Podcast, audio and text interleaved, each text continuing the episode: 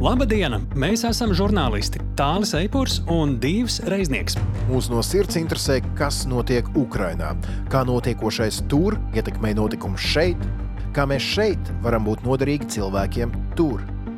Lai labāk izprastu notiekošo, mēs dzenamies pakaļ personīgiem stāstiem, kas iemieso šo eksistenciālo cīņu. Mēs skaidrojam, ko globāla ziņu virsraksts nozīmē šeit, pie mums. Jo Ukraina cīnās ne tikai par savu brīvību. Ukraina šobrīd ir arī mūsu drošinātājs. Esiet sveicināti! Raidieraksts drošinātājs klausītāji, es sveicināts arī raidieraksts drošinātāji līdzvadītāji tāli. Es sveicināts uh, divreiznieku. Čau! Man tie līdzvadītāji, nu tā vienkārši vadītāji, viņi ir divi. Uh, bet uh, tā ir lirika salīdzinot ar to, kas pēdējās nedēļas laikā ir noticis Ukrajinā. Tas ir vienkārši kaut kas tāds, ka mēs joprojām nespēju. Es reāli sevi šobrīd nu, pajautāju, kā es jūtos. Es par to visu es nespēju noticēt, ka kaut kas tāds tiešām ir noticis. Tu ļoti labi zini, par ko ir runa. Nē, nu paskaidro, par ko tu runā. Kahovkas dāmas, aizsprosts, hidroelektrostacija, uzspridzināšana, mega plūdi, mega katastrofa, visdažādākā veidā, ekocīts, genocīds. Es nezinu, nu, tur tos visus vārdus var likt rindiņā - ķīmiska katastrofa, dabas katastrofa un tā tālāk. Tur es, es, es tas, ko es saprotu teorētiski ar prātu, kas tur notiek, man joprojām nav aizgājis tādā emocionālā ziņā, jo vienkārši šausmīgi grūti noticēt, ka kaut kas tāds šobrīd, burtiski šajās stundās, kad mēs ierakstām, tur notiek pilnā sparā, paskatoties visu sociālo tīklu kadrus, kas tur ir pieejami. Tas ir drausmas ar visiem kaķiem, suņiem, zivīm, cilvēkiem, protams. Šī, diemžēl, ir nu, lielākā nelaime vai viena no lielākajām, pavisam noteikti jauns uh, zīmols, ko pieminēt Ukrainas kara laikā, kurš neaizmirsīsies, es domāju, vispār nekad, nekādā veidā. Černobiļa divi pat varbūt, uh, es nezinu, vai nav par maz teikts. Nu, es katrā ziņā varu piekrist visam, ko tu teici. Skaidrs, ka vēl, vēl ir daudz kas jānoskaidro, kas tieši notika, kā tieši notika, kādā secībā. Bet, lai kas arī būtu noticis, skaidrs, ka, ja Krievija nebūtu iebrukusi Ukrajinā, šīs traģēdijas arī nu, visdrīzāk nebūtu, jo, jo šādas dambis tur ir stāvējis ilgi. Un, nu, jā. Tagad tā vairs nav. Interesants fakts no vēstures, lai arī mēs šobrīd nezinām, vai konkrēti krievi ir uzspridzinājuši dambi vai vienkārši nav uzturējuši nepieciešamās apkopes un tam līdzīgi. Mēs zinām vēsturē, ka 41. gadā uz Dņepras upes krievi atkāpjoties ir spridzinājuši dambi. Tobrīd ļoti lielu pie Zaporižas, ja nemaldos, kur palīdzēja amerikāņi būvēt.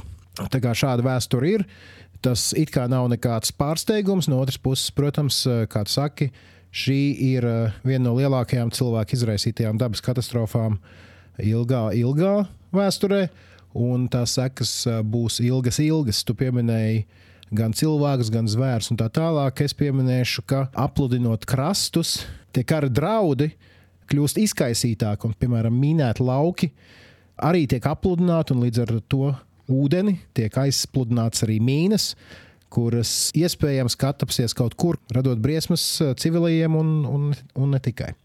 Kāpēc es pieminēju par mīnām? Tāpēc, ka mēs šajā raidījumā runāsim par mīnēšanu, par atmīnēšanu.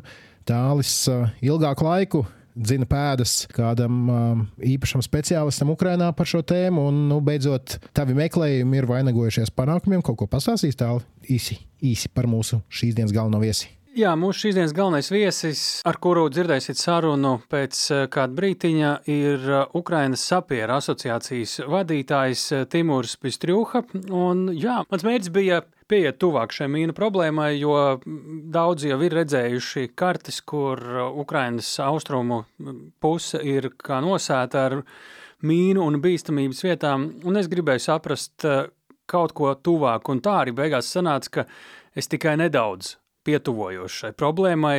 Pat tad, ja šīs sarunas laikā jūs dzirdēsiet ļoti daudz ko tādu, kas parāda tās mērogu, kļūst arī skaidrs, ka tas mērogs, par ko tur runāt, ko tur risināt, cik traģiski tas viss ir, ir vēl daudz, daudz, daudz, daudz, daudz vairāk. Tā kā varbūt nedaudz jā, tāda salikšana pa plauktiņiem, pirmie soļi e, pretmīnu pasākumos Ukrainā. Tā varētu nosaukt to interviju apmēram. Šī intervija jau pēc brīža, bet sāksim mēs ar pieslēgšanos Vašingtonai pie mūsu nemainīgās ekspertas Kristīnas Bērziņas un ar e, viņu mēs pārunāsim trīs uh, citas ziņu tēmas, kas ir bijušas aktuālas aizgājušajā nedēļā. Runāsim par to, kā un vai vispār šobrīd, kara laikā, ir jārunā par Ukrainas potenciālo pievienošanos NATO. Tāpat mēs arī apspriedīsim viens ļoti interesants Francijas prezidenta Makrona izteikums, kuros viņš tā ļoti smalki iedūra mugurā savam priekšgājējam, prezidentam Širakam, kurš savulaik nedaudz aizvainoja austrumēropiešus. Un sāksim gan mēs par tēmu, kas aktuāli tepat mūsu Latvijā. Proti, mums ir ievēlēts jauns prezidents Edgars Falks, un par šo notikumu atskaņām pasaulē un nozīmību Latvijai tuvākajās minūtēs. Nu, tad jāsaka tā, sveika, Kristīna! Sveika, Kristīna! Sveiki, sveiki!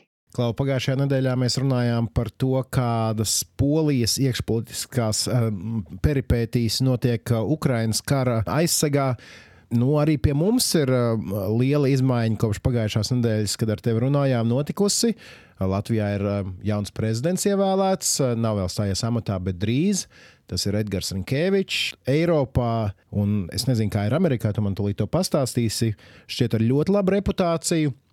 Kā no tavas puses izskatās uh, Rinkēviča ievēlēšana, un it sevišķi, ja mēs paturam uh, prātā karu Ukrainā un Latvijas ievērojumu atbalstu Ukraiņiem? Arī no Vašingtonas ir eh, ļoti pozitīvs atsauksmes par to, ka eh, Edgars Rinkevičs tika ievēlēts par prezidentu, tāpēc, ka daudzajos gados ārlietu ministra amatā Rinkevičs ir uzturējis ļoti labas attiecības ar ASV, uzticams, paredzams, eh, un īpaši arī tagad kara laikā.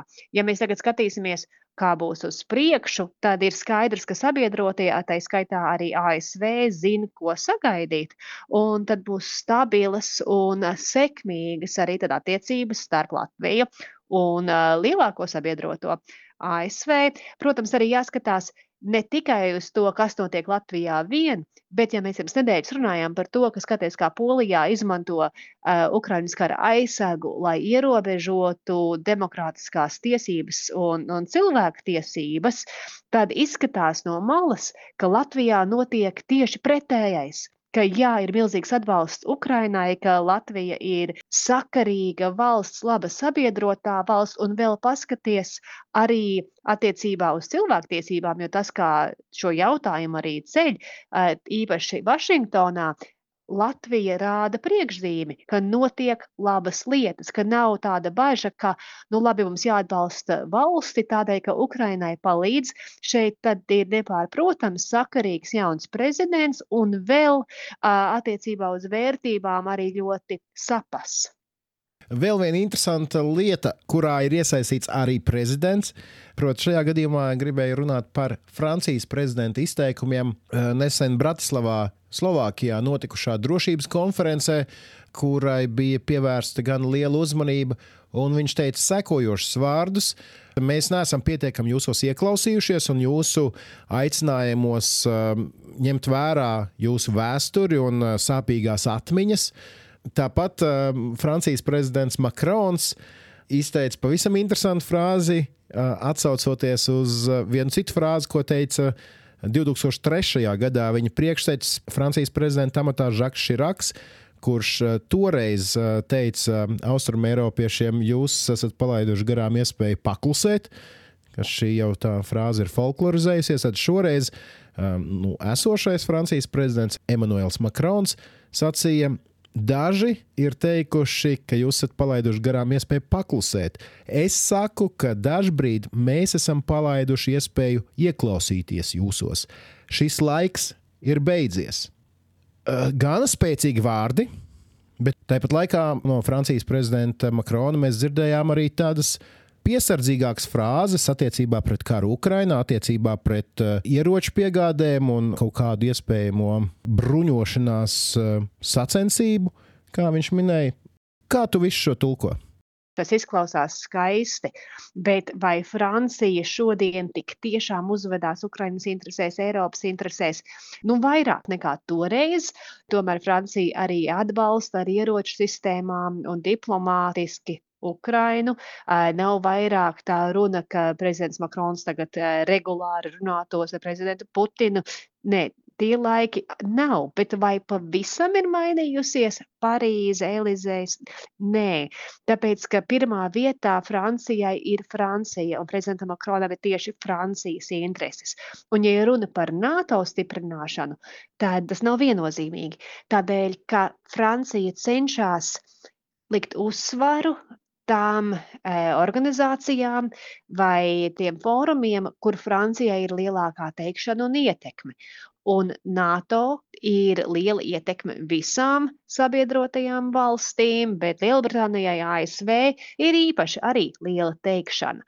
Atšķirībā no Eiropas Savienības. Un daudzas jautājumas, piemēram, tad Francija vēlās vairāk risināt Eiropas Savienības ietvaros un cīnās par to, ka jautājums jāceļ vairāk tur, kur Francijai ir lielāka ietekme. Bet šāda veida vilcināšanās savā ziņā, mēģinot atrast vispareizāko ceļu, lai risinātu pasaules problēmas tikai tā, lai Francijai būtu labāk. Tas, es neteiktu, ir ātrākais ceļš līdz risinājumam Ukrainā vai līdz palīdzībai Ukrainā. Tālūk, jā, mācības ir bijušas, protams, nav tik slikti, cik agrāk bija, un var šobrīd paļauties uz daudz lielāku Francijas atbalstu nekā iepriekš. Bet, ja no vienas puses tajā runā Makrons centās savu ego drusku samazināt, tad es teiktu, ka vēl joprojām Francijas diplomātija un rīcība motivē tieši Francijas ego, nevis jautājumu, cik vien iespējams ātrāka risināšana. Paldies par šo skaidrojumu, un no Francijas pārcelsimies uz Vāciju, kuras eh, ārlietu ministra Bērboka ir eh, pateikusi, ka kara laikā mēs nevaram runāt par jaunām dalību valstīm, kuras varētu tikt uzņemtas NATO. Proti, eh, ar šo domājot Ukrainu. Atgādināšu, ka pagājušajā mēnesī Ukrainas aizsardzības ministrs Oleksijas Rezņikovs pauda cerību, ka šovasar Viļņā, NATO samitā, Ukraina varētu saņemt kaut kādu ceļa karti, kad un kā tā varētu iestāties NATO. Vai šis bija kaut kas tāds, kas bija sagaidāms, proti, skaidra atbilde no kādas no lielajām Rietumē Eiropas valstīm, proti, vēstījums Ukrainai? Jā, nē, kaut kādu atbildi Ukrainai. Nu, šobrīd spriež par to, ko varētu Ukrainai piedāvāt Viļņas NATO samitā. Tas jau ir apmēram pēc mēneša.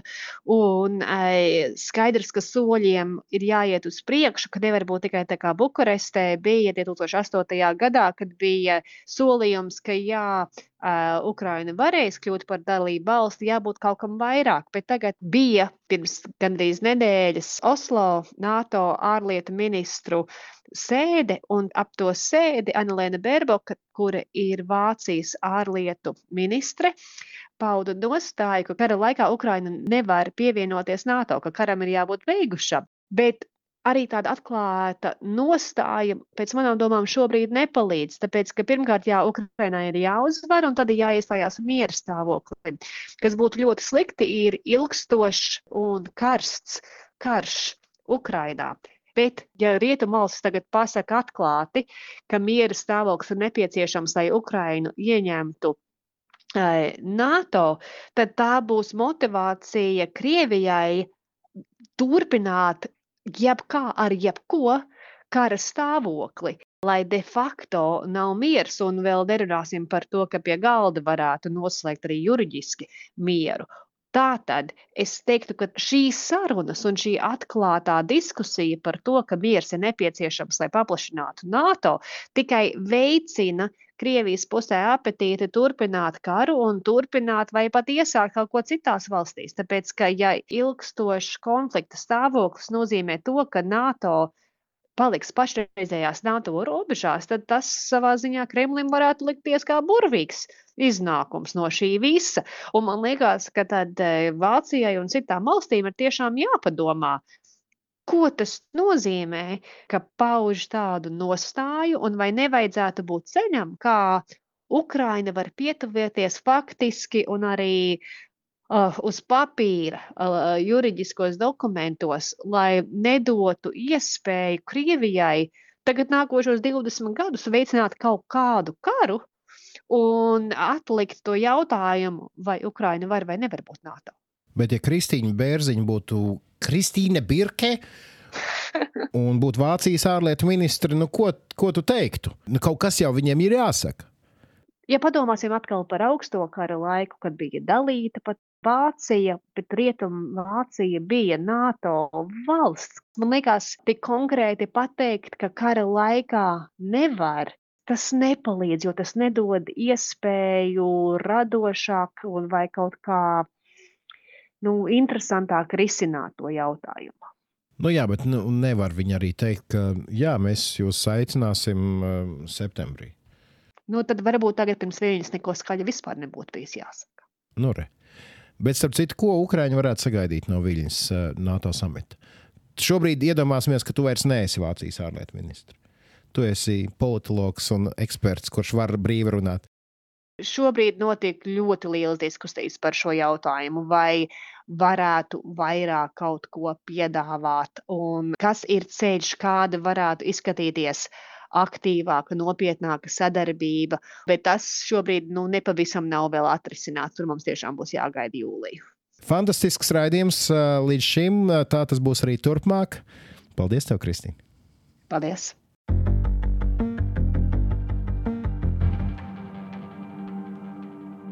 Paldies, Dīva! Paldies, Kristīna! Ukraina un NATO. Man jau liekas, ka tas vienā brīdī pāries tādā kā kaut kādā īpašajā Ukrainas un NATO sadarbībā. Tad, kad es teikšu tā, Krievija vairs neatstās variantus tā kā ir šobrīd, es domāju, nav iespējams īsti palikt tādu ilgu laiku.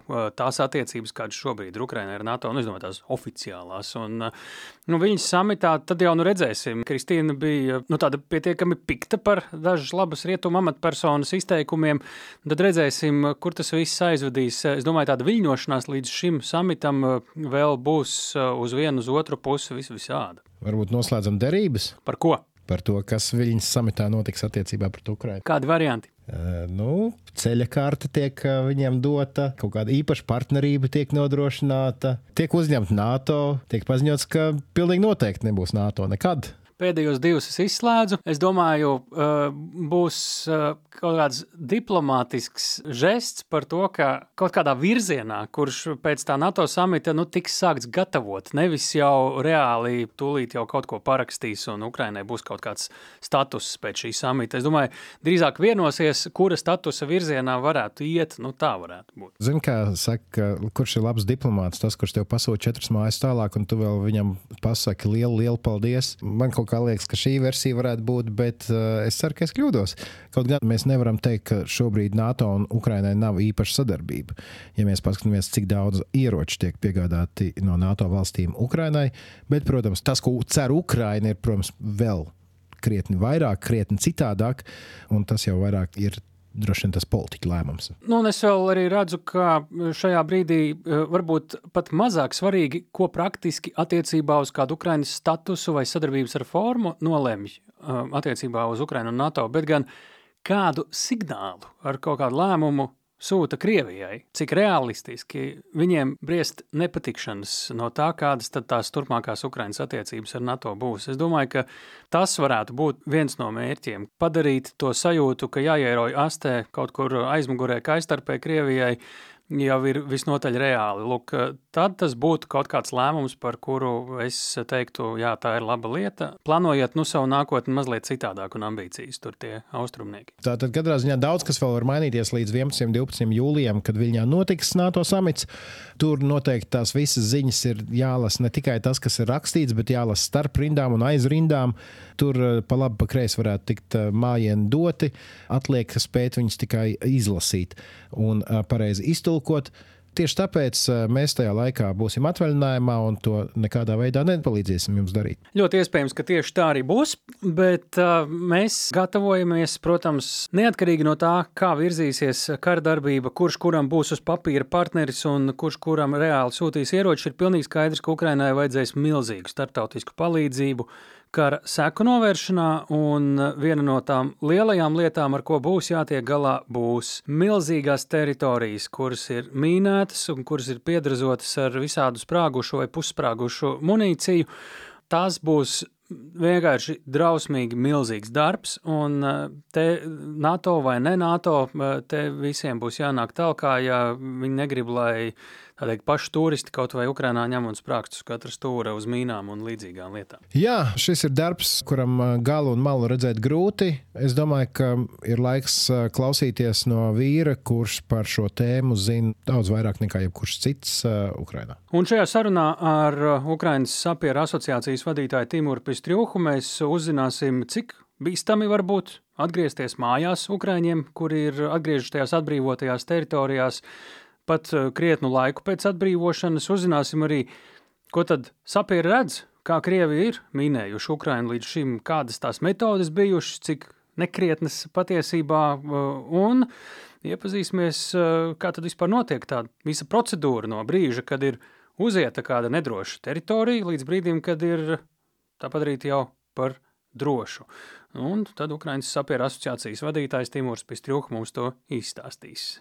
Šī intervija būs angļu valodā, un kā šādos gadījumos mēs jums parasti sakām, jūsu pusē ir izvēle, kā klausīties, vai klausīties interviju oriģinālā valodā, tātad angļu valodā, vai ar latviešu valodas tulkojumu. Jums atliek tikai izvēlēties vienu no diviem šī podkāsta epizodes ierakstiem, un jūs jau nosaukumā redzēsiet, vai redzat to, kādā valodā ir intervija. Nu ko, klausāmies!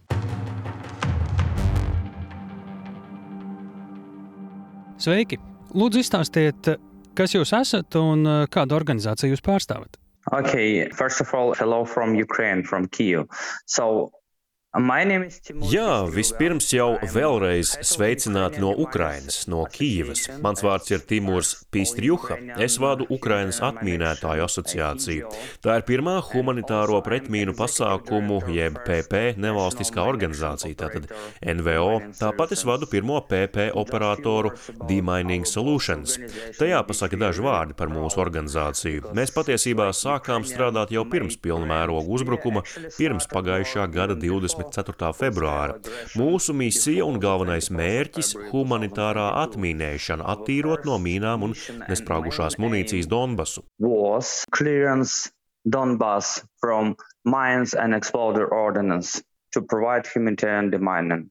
After we extend our activities and started provide explosive ordnance risk education EORE. It's one pillar of my action when we educate people Pēc tam mēs sākām nodarboties arī ar sprākstošās munīcijas risku izglītošanu, jeb SMRI.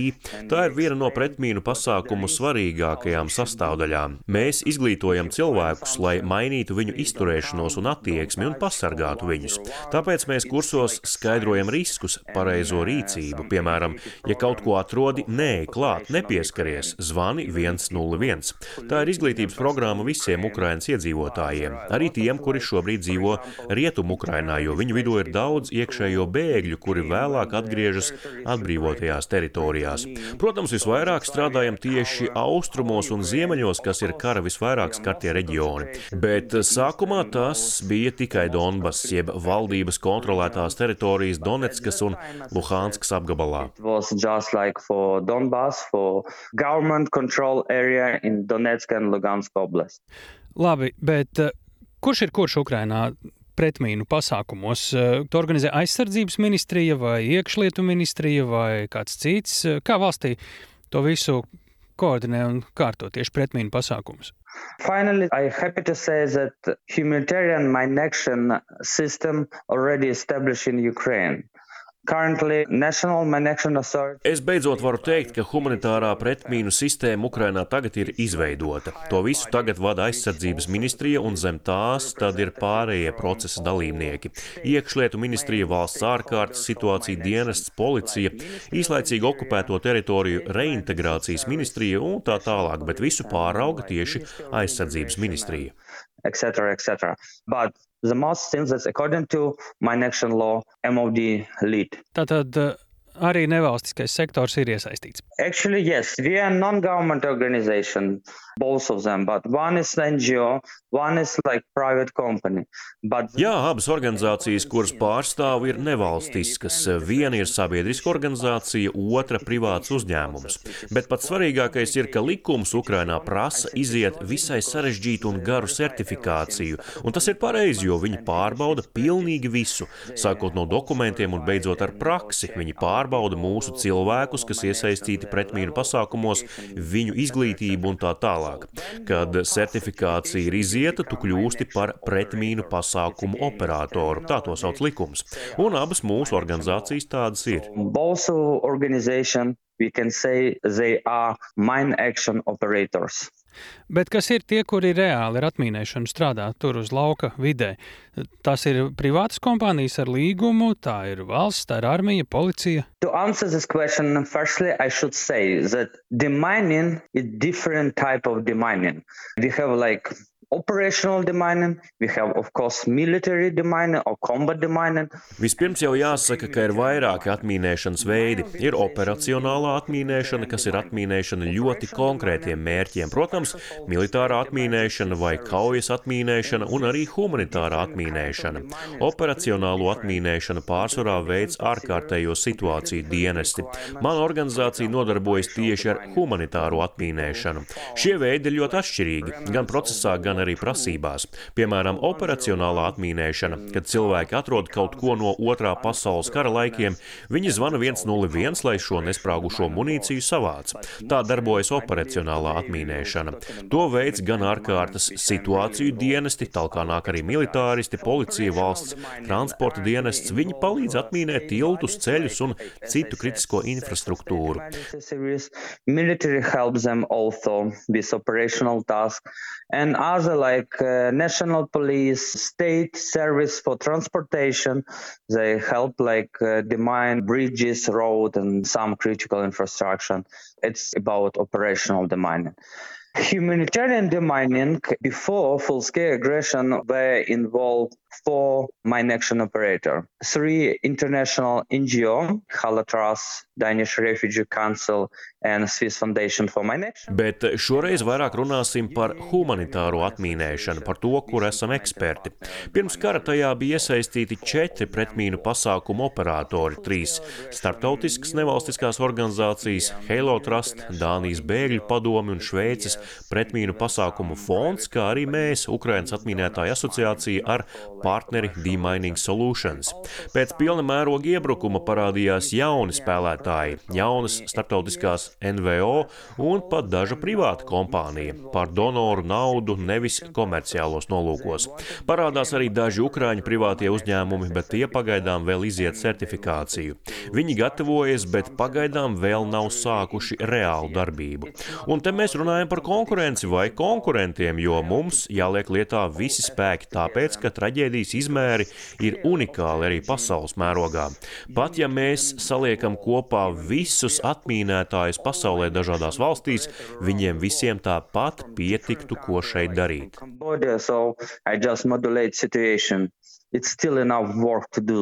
Un tad nu stāstiet par to, kāda ir tie traģēdijas apmēri un situācija. I always draw attention that even before the full-scale aggression, Ukraine was Es vienmēr vēršu uzmanību uz to, ka jau pirms iebrukuma Ukrainas mīnu problēmas apjoms bija pasaulē, nu, pat pirmajā pieciniekā. Tā piemēram, dati liecina, ka nesprāgušās munīcijas un mīnu upuru skaita ziņā, neskaitot citus bojā konfliktā gājušos, mēs jau bijām ceturtajā aiz Afganistānas, Malī un Jemenas. Tagad mēs, diemžēl, esam pirmie pasaulē. Nav vairs nekur citur tik piesārņotas teritorijas kā šobrīd Ukrainā with so many contaminated territory like now in Ukraine. Atmīnēšana, pretmīnu pasākumi, tie tā tad nav tikai došanās kaut kur ar pīkstošu ierīci. Jūs pieminējāt izglītību un daudz arī citu lietu. Nu, tad arī sakārtojiet, ko jūs saucat par pretmīnu pasākumiem. Kas tās tad ir par darbībām, kas risina šo problēmu? So, first of all, I should say that demining, humanitarian demining, it's one pillar of humanitarian mine action. Nu, vispirms jau jāsaka, ka humanitārā atmīnēšana ir tikai viens no humanitāriem pretmīnu pasākumiem. Kopā tie ir pieci pīlāri. Vispirms jau pati atmīnēšana, tā ir nesprāgušās munīcijas risku izglītība un arī palīdzība mīnu upuriem. Bet arī viena pati atmīnēšana ir ļoti komplicēts process. Tā sākas no netehniskās izpētes. Citiem vārdiem, vispirms jāapkopo informācija un pierādījumi par iespējamu vai jau apstiprinātu bīstamu teritoriju teritoriju. Tāpat jāveic kartēšana un iezīmēšana, un tad arī jāpieņem lēmums par to, kāda veida attīrīšana konkrētajā teritorijā veicama. Un var jau jautāt, kāpēc Ukrainā dažkārt kādas vietas nemaz netiek pat tehniski pārbaudītas. Tas tāpēc, ka ja neatrodas nekādi pierādījumi, un tieši pretēji ir pierādījumi, ka vieta ir tīra, tur nekas arī nekur nav jāmeklē. To teritoriju var izslēgt no saraksta. Un tas ir ātrākais veids, kā atbrīvot zemi, lai to varētu sākt lietot need clearance intervention, so we can exclude this in territory. And this is the fastest way to provide land release and use this territory for purposes. And after this, we have different type of clearance or probably technical survey with already metal detectors and etc. Tikai pēc tā visa mēs ķeramies pie tehniskās attīrīšanas ar metāla detektoriem un tā tālāk. Un tā var būt manuāla attīrīšana, tā var būt kauju vietu attīrīšana, mehāniska attīrīšana un citi veidi. Bet pats svarīgākais, ka arī ar to viss ne nebeidzas. Pēc tam seko ārējā kvalitātes kontrole, ko veids valsts. Viņi ierodas konkrētajā vietā un pārbauda tavu darbu. Vai viss ir pareizi un pēc standartiem attīrīts? Viņi strādā kā reāli atmīnētāji, nevis tikai paskatās dokumentus, ņem savu metālu detektoru un pārbauda daļu teritorijas un tikai tad sastāda aktu. Un tikai tad, kad sagatavoti arī visi dokumenti, lietotājs var sākt lietot zemi. Mūsu gadījumā tā ir vietējā pašpārvalde pārvalde. And you put all together these documents, and only after this you provide land release to end user. In our case, it's local authority. Redzot, kāda situācija ir Ukrainā un cik lēni atmīnēšana var virzīties uz priekšu, cik ilgu laiku tas viss var kopā prasīt? Tas, ko lasām, ir pat ne daži vai pat ne desmit gadi, varbūt pat visi 20. Yes, unfortunately, yes, but For world, humanitarian demining is nothing new. Us, yes. Diemžēl jā, bet pasaulē humanitārā atmīnēšana nav nekas jauns. Jā, mums tā ir jauna tikai kopš aktīvās kara fāzes no 2014., 15. vai varbūt 2016. gada. Jau tad sākās aktīva humanitārās atmīnēšanas fāze, bet tā vai tā mums tas ir kas samērā jauns, īpaši jau nesen atbrīvotajos reģionos. Jo Ukraina kā Eiropas lielākā valsts, jo Krievija nav Eiropa. Cik ilgi? Nu, es parasti saku, tas ir atkarīgs no divām lietām. Vispirms, vai valstī ir sistēma, tādai ir jābūt, bet, kā jau teicu, mēs tādu esam izveidojuši. Uh.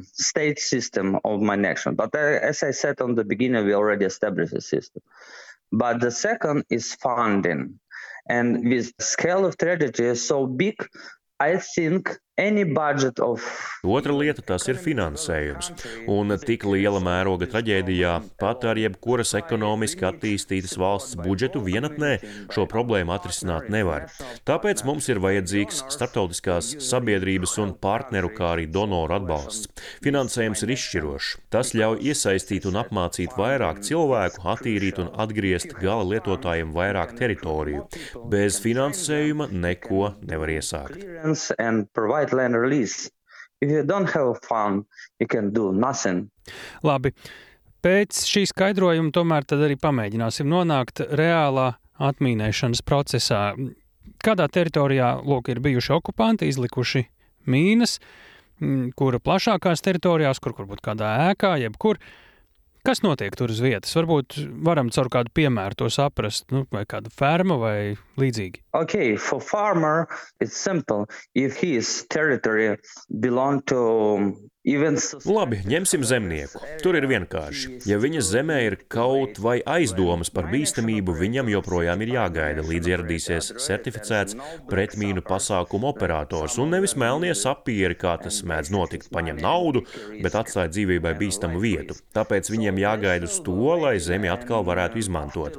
Tas nav par papīru sakārtošanu, tas nozīmē arī uzņemties atbildību par to un garantēt cilvēkiem, ka šī teritorija ir tīra tīra, ka tur var darīt, ko vien vēlas.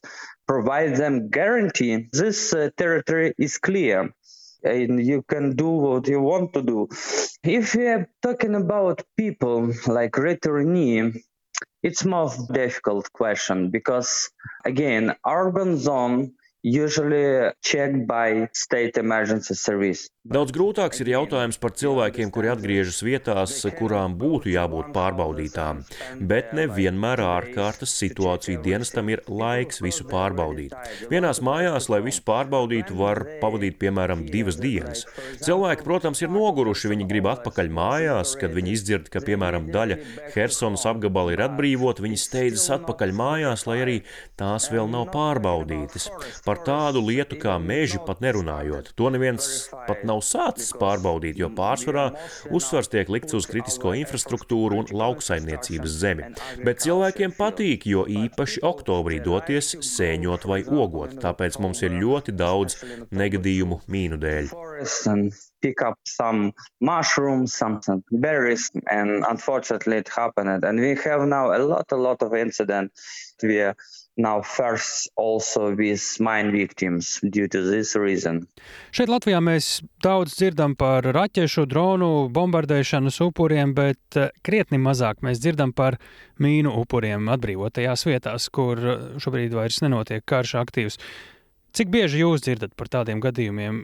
Tik lielā valstī kā Ukraina Tas nav tā, ka katru dienu notiek. Uh, the problem is you can uh, search the internet and find some even like official statistic provided Problēma ir tā, ka katrs internetā var paskatīties it kā oficiālo statistiku, par ko ziņo reintegrācijas ministrija vai ANO, bet vienlaikus viņi saka, ka reālie skaitļi ir daudz lielāki, jo šī statistika ir tikai no vietām, kur viņi var piekļūt.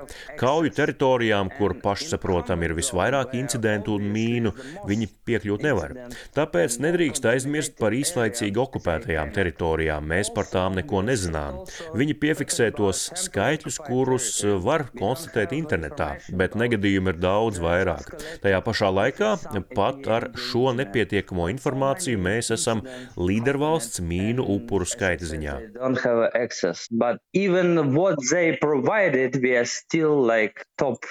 country with mine victims, unfortunately. Bet vai tomēr būtu arī iespējams raksturot, cik aptuveni liela ir tā negadījuma problēma? Cilvēki uzkāpj uz mīnām katru dienu, tiek ievainoti, vai iet bojā? Te es vairāk runāju par jau tieši atbrīvotajām teritorijām. I cannot say that it's like every day. because again it depends on what appear in the internet but sometimes even every day i can see like kherson oblast kharkiv oblast and other region But what it's also what I want to draw your attention, like Kiev Oblast was liberated at the beginning of April 2022. The than... Es nevaru teikt, ka tas notiek katru dienu, jo tas atkarīgs no tā, kad tas parādās internetā, bet dažreiz tiešām par to uzzinām gandrīz katru dienu, piemēram, Helsonas, Harkivas apgabalā un citur. Bet, eh, kas ir svarīgi, Kijavas apgabals tika atbrīvots 2022. gada aprīlī. Ir apritējis vairāk nekā gads, bet mums joprojām ir mīnu negadījumi Kijavas apgabalā. Un te atkal jāatgādina, ka mēs nerunājam tikai par mīnām, mēs runājam arī par nesprāgušo munīciju. Tas, ko ir darījusi Krievija jau kopš Donbasa laikiem, viņi lietojuši vecu munīciju, kas piezemējoties tā arī nav uzsprāgusi. Ko tādu neutralizēt ir ļoti bīstami. Piemēram, kasešu munīcija ir ļoti ļoti bīstama civiliedzīvotājiem. Tādas var iznīcināt tikai uz vietas un bez pārvietošanas. Tas var ievainot vai nogalināt cilvēkus. On the side, you cannot move it according to procedure, and people can be unfortunately injured by this or killed. Kā jūs raksturot to ātrumu? Cik īsu laiku krieviem vajadzējis ir, lai minētu kādas teritorijas. Cik sistemātiski tas notika, kādu stratēģiju, pieeju novērojot pēc tam, kad uh, esat iekšā tajās teritorijās, kas ir atbrīvotas? I think it's the worst sinners because we all understand what is mining, what is purpose of mining. It's protect your position, of course, military position. If you even like invade on some territory, you of course stop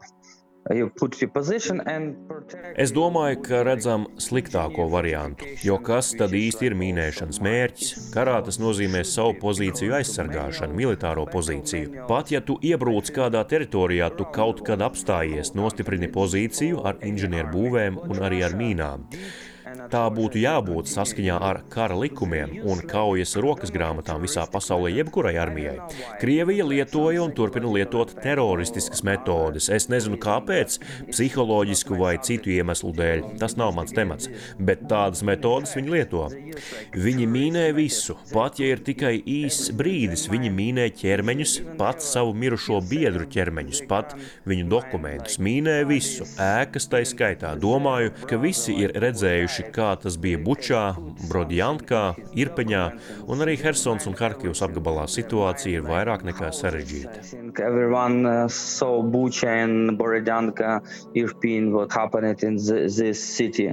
And what we are now see in uh, Kherson and Kharkiv Oblast, the situation is it's more than complicated.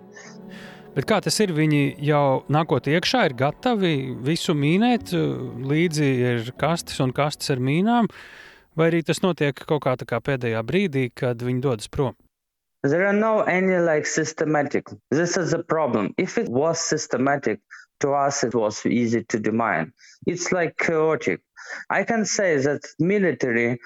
Viņiem nav sistēmas, un tieši tā ir problēma. Ja tas notiktu sistemātiski, mums būtu daudz vieglāk atmīnēt. Tur ir hauss. Piemēram, karavīrs, kuram ir granāta un laiks, var izgatavot slāzdu dažās minūtēs. Nevajag pārāk daudz laika, ja tev ir piemēram granāta un aukla. Un dažreiz viņiem ir laiks, un viņi kaut ko izgudro un uzstāda. Viņi izmanto arī kara mīnas, piemēram, padomju pretanku mīnas TM62. Tur var izgatavot dažādus improvizētus spridzekļus. Piemēram, viņi ievieto TM62 mīnas iekšpusē kainieku mīnu un tam visam uzliek vēl kaut ko pa virsu, ko tādu ir ļoti grūti atmīnēt. Tāpēc mums, diemžēl, attīrīšanu laikā ir arī daudz bojā gājušo un ievainoto sapieru, īpaši jau atmīnēšanā kaujas operācijās. During Korean procedure, especially during operational or military demining. Skaidrs, ka sapieru darbs ir ļoti bīstams, bet kā jūs teiktu, cik tieši bīstams tas šobrīd ir Ukrainā? In Ukraine the most complicated situation around the world. Probably the most complicated situation in Kherson Oblast and Kharkiv Oblast. but we still have a problem and there's still a lot of work to do. In... Ukrainā ir pati sarežģītākā situācija pasaulē, un viss sarežģītākā tā iespējams ir Hersonas un Harkivas apgabalā. Bet tāpat daudz darba ir vēl Kijevas, Černīhivas, Sumu apgabalā un citos atbrīvotajos reģionos. Ļoti bīstami Piemēram, ir arī vietās, kas tiek apšaudītas. Kad pārvietojas frontes līnija un tur vienmēr ir drošības buferzona, mēs dodamies attīrīt vismaz to teritoriju. Īpaši bīstami tas ir tāpēc, ka iespējams atrast pilnīgi jebko, sākot jau ar kainieku mīnām. Visiem ir zināms, ka Krievija nav parakstījusi Ottavas konvenciju, kas aizliedz kainieku mīnas, jo tās visvairāk apdraud tieši civiliedzīvotājus. Pat Ukraina to ir parakstījusi. Bet Krievija nē. Turklāt viņi tās ne tikai izmanto, viņi pat attīsta šo virzienu. Piemēram, POM3 mīnas. Tādas parādījās tikai nesen, 2019. gada armijas izstādē, un tās jau ir Ukrainā. Šeit atrodams ir viss - jauns, vecs, improvizēts spridzekļi, slāzdi un dažāda veida nesprāgusi munīcija. New, old, you can find improvised explosive devices, you can find booby traps, and also unexploded ordnance, different ammunition. Un tas viss sapierim var būt uz pilnīgi katra soļa. And the mask very smart. So it's sometimes difficult, even, you know. Jā, un viņi to visu arī ļoti gudri maskē. Un tad ir pavisam grūti. Piemēram, kā likums, asfaltēti autoceļi ir vienas no drošākajām vietām, bet viņi izgriež daļu asfalta, ievieto TM62 un virsū uzliek to pašu asfalta gabalu. Braucot ar automašīnu, to nevar pamanīt. Diemžēl šādi ir sprāgušas daudzas mašīnas, kur cilvēki iet bojā vai tiek ievainoti died or injured. Kādi tad ir visi nehumānākie, visļaunākie, ļoti sliktā nozīmē radošākie krievu mīnēšanas paņēmieni, kādus viņi atstāja aiz sevis tajās vietās, kur, piemēram, dzīvo cilvēki vai kauju vietās? So, so to ir ļoti daudz, un vairākums ir tieši šādi paņēmieni. Pilns internets ar tādiem piemēriem, un, diemžēl, tā ir mūsu realitāte. Kā ir ar iedzīvotājiem? Stāstījāt par viņu atgriešanos mājās, došanos ogot, sēņot. Kāda caurmērā ir tā iedzīvotāja attieksme un disciplīna, cik daudz viņi klausa tiem noteikumiem un kārtībai, kur ir tajās teritorijās. Kāda ar to ir situācija? I think uh, everyone now around the world know that Ukrainian brave people. It's good if you're a fighter, good in for combat, Visa pasaule ir redzējusi, cik drosmīgi cilvēki dzīvo Ukrajinā. Tas ir labi, ja esi karavīrs kaujā, bet pretmīnu pasākumos tas nekādā veidā nav labi. Tur tavs labākais draugs ir tavas bailes, un tieši šī drosme mums ir lielākā problēma.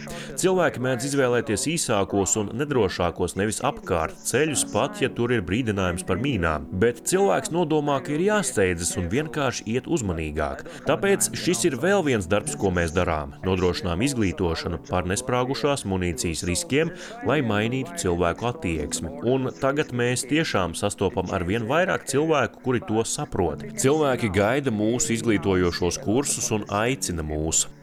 Mums ir jau 27 mobilās pretmīnu risku kursu vienības. Diemžēl Ukraina ir milzīga valsts un ar to nepietiek. Tāpēc es teiktu, ka cilvēki ir sākuši apzināties bīstamību, bet priekšā vēl ir ļoti liels izglītošanas darbs. But Ukraine big country, it's not enough. So my answer is people started to understand, but to change safe behavior Ja kāds atgriežas mājās un uh, viņam rodas aizdomas, ka tur ir kaut kas sprādzienu bīstams, cik ilgu laiku viņam ir jāgaida, līdz kāds, uh, kuram ir piezvanīts, uh, atsauksies, ieradīsies, reāli pārbaudīs, iztīrīs šo teritoriju?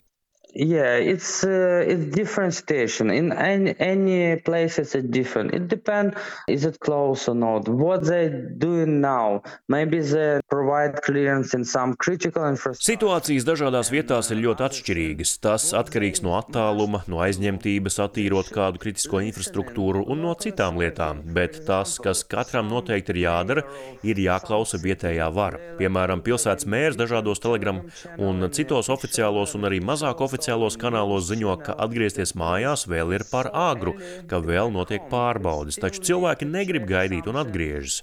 Un tad viņi ierauga granātas, mīnas, nesprāgušu munīciju un zvanu uz 101, bet viņiem nav resursu, lai pārbaudītu katru māju, jo tas nav tik vienkārši it's not enough efforts to go to any house and check. So you understand, it's quite complicated procedure. Ja kāds, kurš šo klausās, nonāk vietā, kas varbūt mīnēta, kāda ir tā drošības ābece tādā vietā? Okay, some recommendation from Ukrainian Demand Association. First of all, please listen in official channels, official Labi, te būs daži ieteikumi no Ukrainas atmīnētāju asociācijas. Vispirms klausieties oficiālajos informācijas avotos, vai tur ir droši, vai arī vēl ir jāpagaida. Ja tu jau esi ieradies tajā vietā un redzi kaut ko aizdomīgu, nekādā gadījumā neaiztiec, netuvojies un nekavējoties zvani 101. Pat ja viņi aizņemtības dēļ uzreiz neierodas, gaidi, vienkārši gaidi. Pacietība un vēlreiz pacietība. Mēs karā esam jau kopš 2000. 2014. gada, un tā viena vai divas dienas tev neko nemainīs. Ticiet man, šajā gadījumā veselība un dzīvība ir daudz svarīgākas nekā laiks. Your health and your life is much important than time in these particular cases. Kas jūs pašu motivēja šajā jomā darboties? Kā jūs nonācāt uh, atmīnēšanā? Kāpēc jūs nonācāt? It's simple. I have military background. Tas ir vienkārši. Man ir militārā pagātne. Kad pametu armiju, tas bija jau pēc kara sākuma, tāpēc pagūpu piedalīties arī tur, bet sapratu, ka gribu darīt kaut ko tuvu militārajām lietām, taču bez nogalināšanas. Gribēju šo vietu padarīt drošāku, un humanitārā atmīnēšana ir ieguvums abām pusēm. Jo karavīrs ar šauteni īsti nevar teikt, ka tas ir dievam tīkams darbs, bet humanitārā atmīnēšana pavisam noteikti tāda ir. Mission, like this, you know? But humanitarian demand is something close to God mission. Nu, un jautājums, ko uzdodam ikvienam, ko mums jums novēlēt? First of all, thank you who really support us. Can... Vispirms jau liels paldies visiem, kuri mūs atbalsta. Ja iespējams, lūdzu atbalstiet pretmīnu pasākumus, jo mēs ar saviem ukraiņu spēkiem ar šo traģēdiju nespēsim tik galā. Un novēliet mums uzvaru, jo tikai pēc tās mēs varēsim nodrošināt humanitāro atmīnēšanu visā Ukrainā, visos 603,7 tūkstošos kvadrātkilometru. Un tā tiks simtprocentīgi attīrīta. Paldies jums! will be clear, obviously, in 100%. Thank you.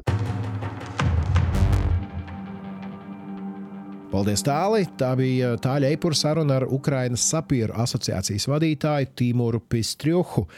Ļoti daudz uh, vielas pārdomām šī intervija dod.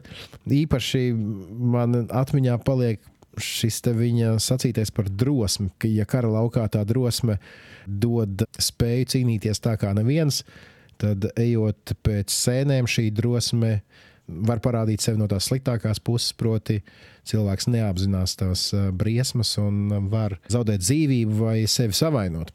Uh, jā. Kādas tev palika, palika pārdomas? Es viņām jautāju, ja dzirdējāt, tad, cik tad daudz ir šo incidentu? No mīnām šo negadījumu. Un te es runāju tieši vairāk par civiliedzīvotājiem, nevis tiem, kuri kaut kur pirmajās līnijās, kur mīnas izmanto krietni citādāk. Un, jā, mēs dzirdējām, ko Pistruhs kungs sacīja par to, ka tā statistika, protams, ka ir, bet te pašā laikā nu, ir milzīgs daudzums gadījumu, par kuriem neviens tā arī tur daudz plašāk neuzzina, kur internetā nekur neviens neuzraksta. Un, Bet, nu jā, jebkurā gadījumā jau tas, kas ir, jau ir vienkārši dramatiski. Aprīlī bija apkopots, ka 724 cilvēki ir uzspridzināti vai ievainoti eh, tieši mīnu dēļ kopš Krievijas pilna apmēra iebrukuma, nerunājot par to, kas notika vēl pēc 14. gada līdz 22. gadam. 226 no šiem cilvēkiem tā tad ir nogalināti. Un, nu, ja mēs tā pareiķinām, Tas sanāk, ka katru dienu vismaz pa vienam, diviem cilvēkiem Ukrainā kaut kur uzmin uz mīnas. Katrs trešais no viņiem tas ir viņu pēdējais solis bijis, vai kustība, vai kaut kas tāds. Diemžēl. Es varbūt varu arī izstāstīt, kas bija varbūt vēl viena no motivācijām, kāpēc es vispār šo sarunu sāku. Un kas man rada tādas tā kā bažas, kas notiks uz priekšu, ir, ir pretuzbrukums. Nu, skaidrs, ka Krievi ir minējuši tur visu, lai Ukrāņiem būtu krietni sāpīgāk tas viss. Un es gribētu aprunāties ar kaut kādu militāro speciālistu, bet saprotu, ka šobrīd neviens par to netaisīsies runāt. Un ļoti labi, ka nerunās. Bet katrā ziņā tas būtu ļoti tādā drūmā nozīmē interesanti saprast, nu, kā tad ar to visu Ukrāņi tiks galā un ko tas nozīmē. Jo nu, kāds ies pirmais? Tur, kur krievi ir minējuši, un, un kas notiek aiz tās frontes līnijas vēl kas tur šobrīd ir ļoti daudz laika bijis eh, okupantiem rosīties, cik tur un kas un kā un cik nekrietni ir ļoti iespējams jau samīnēts. Tas ir tas, par ko es domāju, mēs dzirdēsim eh, vēl tikai pēc kāda laika, kad cerams, Ukraiņi būs šīs teritorijas atbrīvojuši. Tiesa, mīnus tur visticamāk ir, un paši dzirdējām to metodiku un situāciju, kāda tur varētu pavērties. Kā man atkal vairāk satrauc um, mīnas kontekstā ar civiliedzīvotājiem. Jo, piemēram, šajā pretuzbrukumā mēs zinām, ka viena no tām lietām, ko rietumu valstis piegādā no militārās tehnikas, ir speciāla tehnika, kas iet pa priekšu tankiem, laiž speciāls ierīces, sprāgstvielas un tam līdzīgi, lai, lai šos mīnu laukus deaktivizētu un tālāk varētu virzīties militārās kolonnas. Tā kā par to militāristi, protams, ir padomājuši, un, un tas ir tas arī, kāpēc, piemēram, Ukraina tik ilgi gaida, tik ilgi krāja šo te tehniku. Jo, protams, ka tu vari iesaistīties vienā, divos vai piecos leopardu tankos, traukties uz priekšu līdz, nezinu, pirmajam tur mīnu laukam vai vēl kaut kam, un apstāsies, un ko tu būsi sasniedzis. Tieši tāpēc gudri ir, ja tu esi padomājis par visiem flangiem, visām iespējām, iespējām visiem apdraudējumiem, un šie pretmīnu ierīces un, un līdzekļi būs daļa no pretuzbrukuma cik mums ne, stāsta gudrāki cilvēki par mums militārajās lietās. Šī visa mīnu problēma visstrakākā, man, manuprāt, tiešām ir kontekstā ar civiliedzīvotājiem. Tas, ko arī mūsu viesis runāja par sēņotājiem, bekotājiem un tam līdzīgi par bērniem. Bet, ja tu ej ar meiteni pa brīnišķīgu mežu, romantiskā pastaigā, un es nezinu, ieraugi zaķi un skrien viņam pakaļ, tu vari uzskriet uz tās mīnas ar sūnām, varbūt jau aizaugušās e, nākamajā gadā, pēc pieciem gadiem un pēc 20 gadiem. Tur ir tā lielā problēma, un, piemēram, Manas pirmās atmiņas patiesībā par kājnieku mīnām saistās ar 97. gadu, kad princese Diana viesojās Angolā, kur tobrīd nu jau 22 gadus norisinājās pilsoņu karš. Un eh, viņa pievērsa visas pasaules uzmanību šai tēmai tieši kontekstā ar civiliedzīvotājiem. Pasaule patiešām ieklausījās. Un tajā pašā 97. gadā pēc viņas nāves tika arī pieņemta nu, starptautiskais uh, Ottavas mīnu aizlieguma līgums, vienošanās. Jā, jā to, to Timurs pieminēja, šo, ko Krievija nav parakstījusi tieši. Jā. Un tā kā, tā kā tā ir eh, tāda tēma, kas vēl gadiem un gadiem apdraud cilvēkus, pat tad, kad būs karš beidzies, un tas ir ļoti laikietilpīgs process, atmīnēšana, un it sevišķi ņemot vērā to plašo, plašo teritoriju, kurā šī būs aktuāla problēma vēl gadiem. Un, starp citu, šie pasaulē slavenie cilvēki, par kuru aktīvismu mēs dažkārt mēdzam iesmiet, šādās reizēs uh, spēlē savu svarīgu lomu. Piemēram, uh, es te pamanīju, ka slavenais aktieris Orlando Blūms jau šobrīd ir ierunājis speciālas sociālās reklāmas uh, Ukrajinā, kurā viņš kā UNICEF sūtnis labas gribas stāsta, kas ir jādara ja tu esi teritorijā, kur varētu būt mīnēta vai ko darīt, ja tu ieraugi nepareizu, neparastu priekšmetu. Tā kā jā, šī, šī tēma noteikti būs aktuāla vēl daudzus gadus. Tas ir ne, ne, nelietīgi, jo skaidrs, ka karā visi līdzekļi ir labi, bet, bet šajā gadījumā tomēr visvairāk cieši, man liekas, civilietieši. Diemžēl tā tas arī, jāsaka, tā būs nevis varētu būt vai, vai līdzīgi. Man ir prieks, ka Ukrāņi pie tā jau šobrīd strādā. Mēs dzirdējām, ka visas institūcijas jau ir saliktas pa plauktiņiem, un es domāju, tas viss tikai uzņems apgriezienus. Un, kā Timurs teica, gaidām uzvaru, jo tad tikai pa īstam tā atmīnēšana arī varētu sākties pilnā apmērā.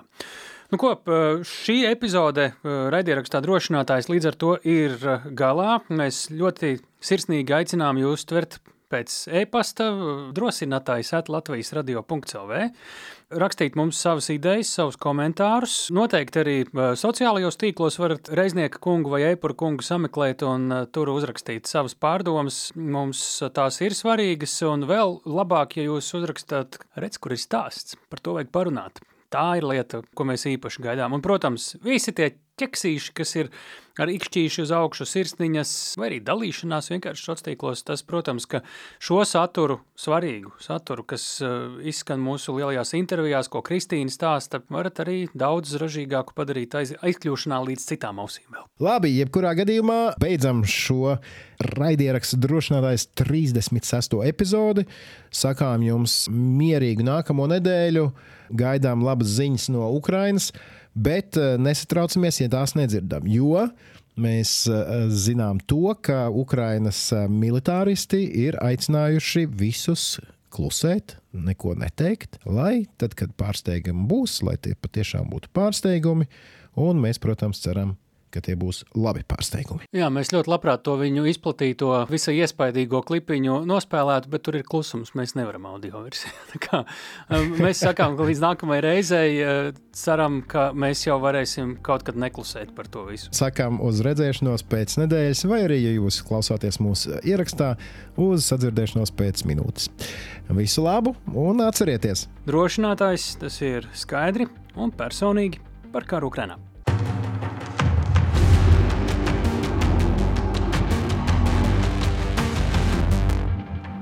Raidieraksts drošinātājs.